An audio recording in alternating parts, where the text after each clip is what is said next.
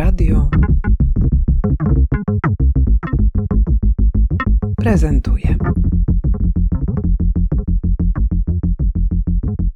Nazywam się Jan Kowal, mieszkam na co dzień w Katowicach, ale pochodzę z małej wsi w województwie opolskim, wsi Piotrówka, która też jest miejscem e, mojej pracy, tak samo jak Katowice.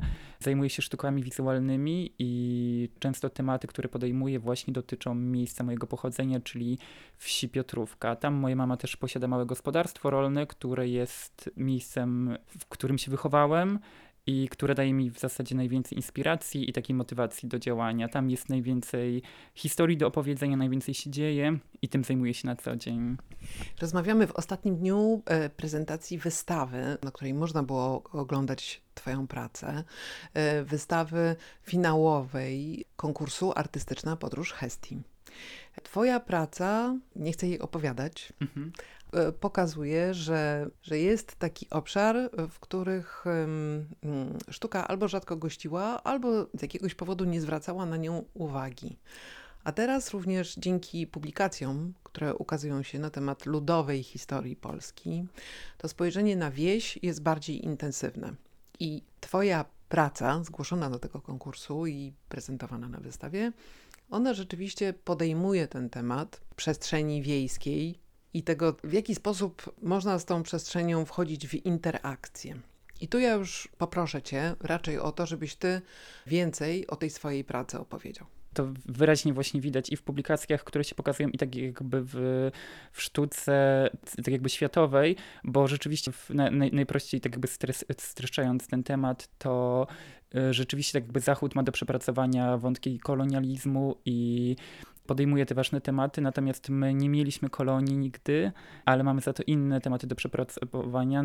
Właśnie mam na myśli tutaj pańszczyznę, chłopów pańszczyźnianych i powstaje wiele, wiele ciekawych publikacji na ten temat. Może one też są swojego rodzaju inspiracją właśnie dla mnie do tego, żeby na polu tego, czym się zajmuję, czyli sztukami wizualnymi, również badać ten temat, bo on rzeczywiście mnie dotyczy osobiście. Jestem dumny z tego dziedzictwa, które, które które posiadam, czyli tych kilku hektarów ziemi i ki kilku dosłownie krów, którymi zajmuje się moja mama i jest jej źródłem do utrzymania. Tak, tak jakby badam to w sposób, jaki potrafię, czyli za pomocą sztuk wizualnych. No i właśnie ta, ta praca, o której opowiedziałaś, czyli praca o tytule Owoc ludu pracy, to zestaw trzech wideoperformansów, których akcja ma miejsce na wsi, dokładnie w obrębie gospodarstwa z którego pochodzę, które, którymi, którym do teraz zajmuje się moja mama.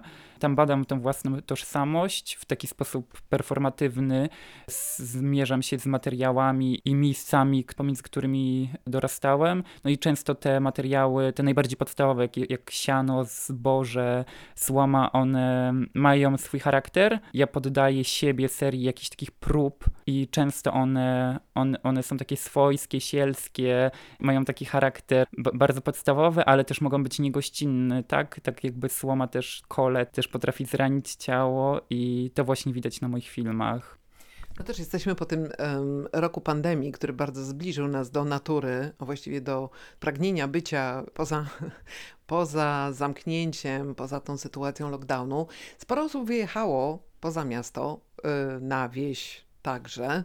I czy ty w tej takiej opozycji miasto-wieś czy ty w tym widzisz jakąś, jakby, jakąś rzeczywistą szansę na to, żebyśmy wyrównali nasze poziomy szacunku wobec siebie? Chciałbym, żeby tak było, żeby przełamać to, bo rzeczywiście tak jakby wieś to 94 bodajże procent obszaru naszego kraju a w mieście mieszka 60% populacji i właśnie ta narracja wiejska powinna być silniejsza, przynajmniej dla mnie i ja też staram się to robić, bo tam się dzieje bardzo dużo i bardzo dużo ciekawych his historii do, do opowiedzenia, ale też, też nie wiem, takich sposobów przetrwania i to jest właśnie ciekawe też i w dobie pandemii, i w dobie kryzysu ekologicznego, z którym cały czas się borykamy, to uczymy się tak jakby w mieście na nowo, jak oszczędzać na przykład jedzenie, jak go nie marnować, Ostatnio tak jakby miałem sporo przemyśleń odnośnie śląskich wesel, bo moja wieś też znajduje się na Śląsku. Jest to Śląsk Opolski, czyli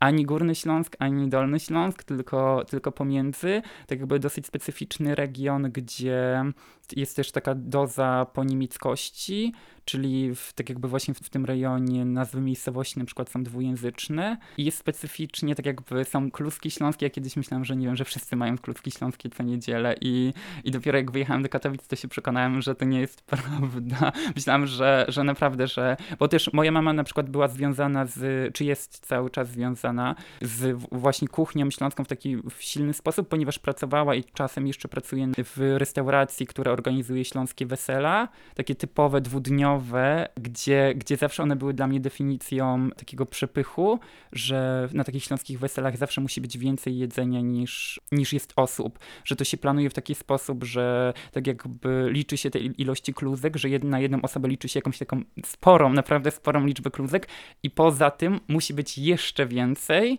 żeby nie zabrakło, bo to, to byłaby najgorsza rzecz, gdyby rzeczywiście czegoś mogło zabraknąć, więc nie ma takiej możliwości i wydawało mi się, że op oprócz takiej tej prze prześności, tych, tych wesel, która mnie odrzucała, e, oprócz, nie wiem, takich tych zabaw weselnych, które, które, których tak jakby ja nie potrafiłem wytrzymać i znieść, tak jakby zawsze to mnie niesamowicie odrzucało, no i właśnie ten jeszcze przepych, te, te ilości różnych mięs i galaret i, i tego typu rzeczy. I myślałem, że one wiążą się z jakimś niesamowitym marnotrawstwem, ale to nie jest prawda, ponieważ yy, tak jakby mimo tego całego przepychu po takim śląskim weselu w zasadzie nic się nie marnuje.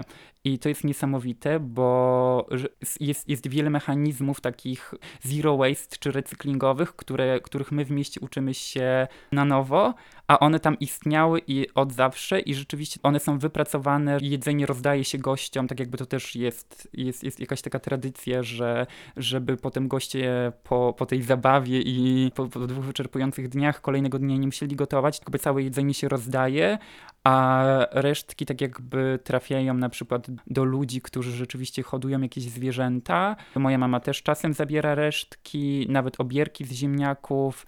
Pojawia się też mnóstwo wege opcji ostatnio.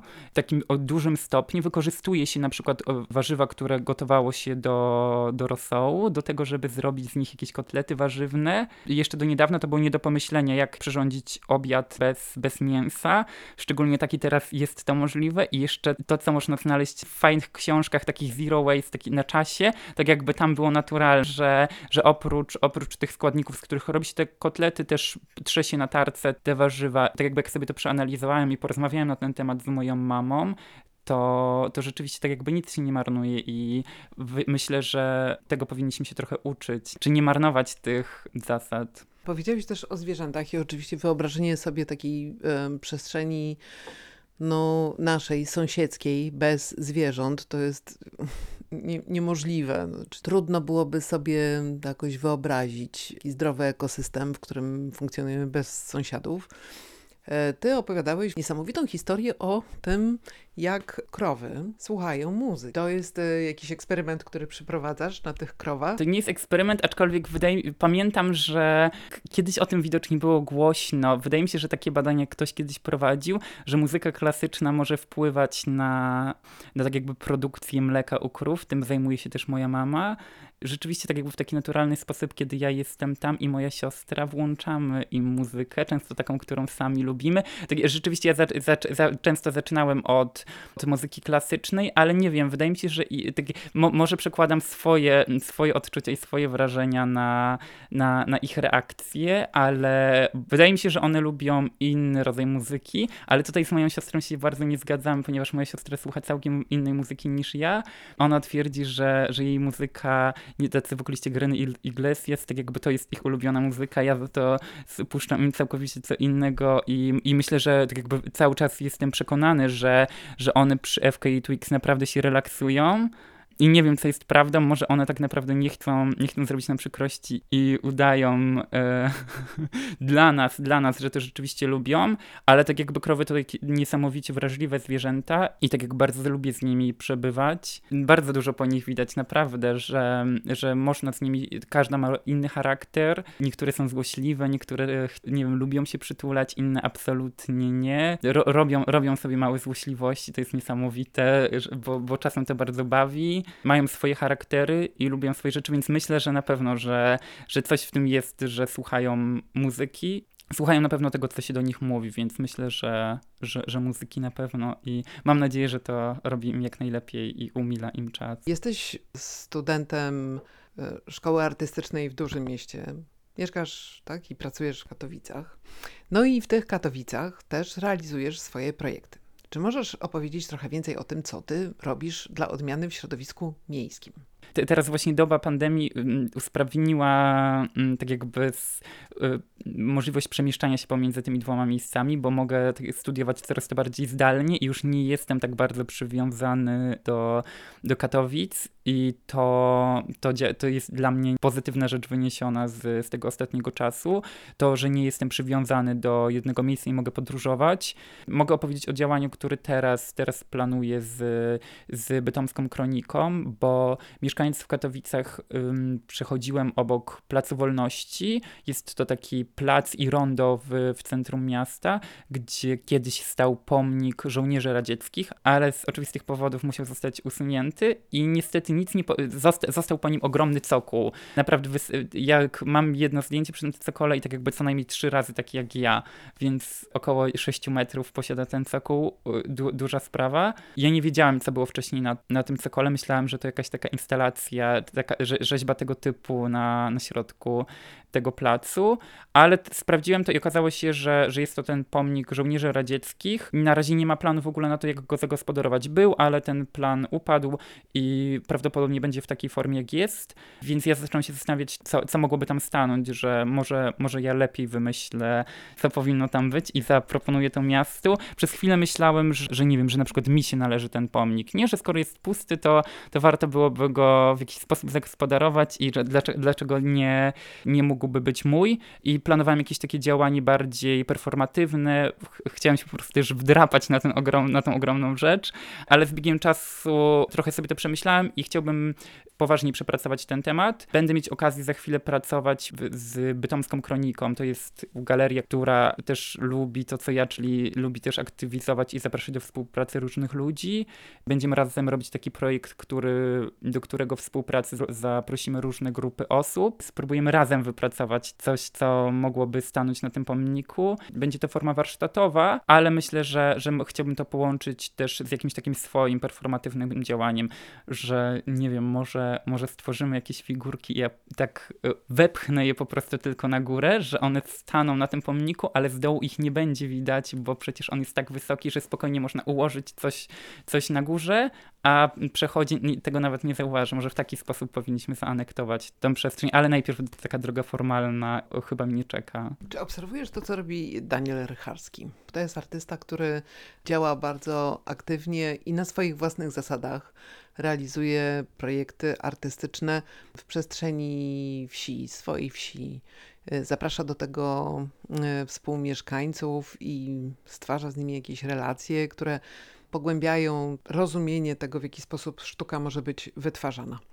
Czy ty takich, nie wiem, działaniach jakoś się odnajdujesz? Tak, tak, obserwuję oczywiście, tak jakby bardzo, bardzo, bardzo lubię jego twórczość. W jakimś stopniu jest też pewnie dla mnie inspiracją, ale jesteś, tak jakby nie, nie znamy się i tylko byłem na jego wystawie w MSN-ie i zrobiła na mnie bardzo, bardzo pozytywne wrażenie, tak by staram się obserwować to, co robi. Łączy nas, jesteśmy ze wsi, pracujemy w tej, w tej przestrzeni i ja też zgadzam się z nim co do, z nim i tak jakby z tym, co, co, co go interesuje i często o tym mówi. I też zauważyłem tego typu problemy, zaraz wyjaśnię o co chodzi, tego, po, tego podobnego typu problemy na przykład na, na swojej wsi, że y, często podtrzymuje się elementów takiego folk, folkloru wiejskiego, który jest raczej już tylko biznesem, że część z tych, z tych, nie wiem, wycinanek łużyckich, czy tak jakby nie chcę nikogo tutaj oskarżyć i, i czegoś powiedzieć pochopnie, ale część, część z tych takich ludowych, nie wiem, wzorów, czy, czy elementów kultury jest już raczej biznesem, że one są w sposób sztuczny podtrzymywane i niektóre, niektóre miejscowości, niektóre miejsca posiadają jeszcze swoje, na, na pewno są takie miejsca, które posiadają swoje elementy takiego e, folkloru i, i kultury niepowtarzalnej. I ja przez chwilę na przykład szukałem sw na swojej wsi, czy my też mamy, mamy jakiś taki element i nie, nie, nie do końca go znalazłem. Nie, nie mamy za bardzo nie, tańca ludowego, ani charakterystycznego tylko dla nas sposobów skrobania jajek. No ale to jest ciekawe i zastanawiam się, że może w takim razie moglibyśmy to sami stworzyć, taki element folkloru, a łączy się to z innym działaniem, które, nad którym aktualnie, tak jakby to jest najświeższa rzecz, nad którą pracuję, ponieważ znalazłem u siebie na wsi już, już w tym momencie dwa, dwa źródła, dwa pokłady gliny, bardzo intensywne. To wiąże się z historią, kiedy byłem właśnie dzieckiem. Moja mama, y, raczej ja poprosiłem moją mamę o glinę, bo, bo sobie jej po prostu zamarzyłem, chciałem porzeźbić. Ale moja mama powiedziała, że nie, że nie musimy wcale jej kupować, możesz pójść na pole koleczych supów, bo moja mama mówi w języku śląskim. Ja rzeczywiście poszedłem na to pole koleczych supów, gdzie miała być ta glina, to jest pole na glinie, tak, tak, tak się mówi, ale przyniosłem kupę piachu do domu i nic z tego nie wyszło, nie porzeźbiłem totalnie nic. Teraz tak jakby z racji swojego wykształcenia plastycznego, artystycznego, tak jakby już, już, już mam, mam spore podstawy, jak glina powinna wyglądać, już po prostu wiem, wiem czego szukać. I jakiś czas temu wróciłem z moją mamą właśnie w to miejsce koleczych supów i znalazłem glinę, wyrzeźbiłem z niej trochę, trochę różnych figurek, udało się to. Jakiś czas temu znalazłem drugie miejsce z nowymi pokład, z nowym pokładem gliny, który jest znacznie lepszy. Jest to, moja mama wtedy, wtedy dawno temu też, też wymieniła to miejsce, ale ja je chyba wtedy zignorowałem i jest to taki, taki rów, który przepływa przez moją wieś, do którego rzeczywiście w przeszłości ludzie przychodzili po wydobywać glinę, po to, żeby naprawiać piece kuchenne, które pękały pod wpływem temperatury, czy po prostu używały się od palenia w nich i te pęknięcia można było świeżą gliną zakleić. One podczas kolejnych, podczas kolejnego palenia w piecu naturalnie była wypalana i w ten sposób piec mógł bardzo, bardzo długo funkcjonować. Ja po prostu przechodząc stamtąd zanurzyłem się trochę w wodzie, trochę pokopałem i znalazłem świetne pokłady gliny, takie, które są niesamowicie plastyczne, niesamowicie tłuste, bo to o to, o to chodzi, to, to, to sprawia, że, że glina między innymi jest tak, tak plastyczna i jeszcze na miejscu udało mi się wyrzeźbić jakieś małe, małe rzeczy, i okazuje się, że ta glina świetnie się nadaje do tego, żeby robić też z niej jakieś elementy użytkowe. No i w związku z tą, teraz podsumowując tą całą historię, myślę, że to jest świetny, świetny motyw, żeby właśnie razem, razem coś zrobić z, z lokalną społecznością, żebyśmy wspólnie coś zrobili z tej gliny, bo to jest niesamowite przeżycie, szczególnie tak jakby dla osób, które tam rzeczywiście od zawsze, od zawsze mieszkają i nie do końca pewnie się już pamięta o tym, że jest ta glina, a często tamtędy spacerujemy wiemy, czy dużo osób tamtędy spaceruje i jest to niesamowite przeżycie, kiedy przechodzisz, możesz tylko zanurzyć ręce w wodzie, wyjmujesz naprawdę glinę tak plastyczną jak, jak plastelina i jeszcze na miejscu możesz coś z niej zrobić i chciałbym, żebyśmy razem, żebym nie tylko ja tego doświadczał, ale żebyśmy wspólnie mogli, mogli coś z tego zrobić, a wydaje mi się, że to świetny materiał, żeby stworzyć właśnie jakiś element folkloru albo coś charakterystycznego dla naszej wsi, bo glina to jeden z tych takich najbardziej podstawowych materiałów. Jak E, rysowanie, malowanie, rzeźbienie w glinie to takie najbardziej podstawowe działanie, które świetnie się sprawdzają do takiej formy warsztatowej i do takich działań partycypacyjnych, więc to, to planuję zrealizować w najbliższej przyszłości. Zainteresowanie, już, już zbadałem temat, zainteresowanie jest i nawet mam pomysł, co mogłoby być tym, tym charakterystycznym elementem, ale nie, nie zamierzam absolutnie ja go projektować, tylko, tylko poczekam na jakieś propozycje, bo myślę, że mogą być znacznie ciekawsze od tego, co ja wymyślę. Bardzo dziękuję za rozmowę.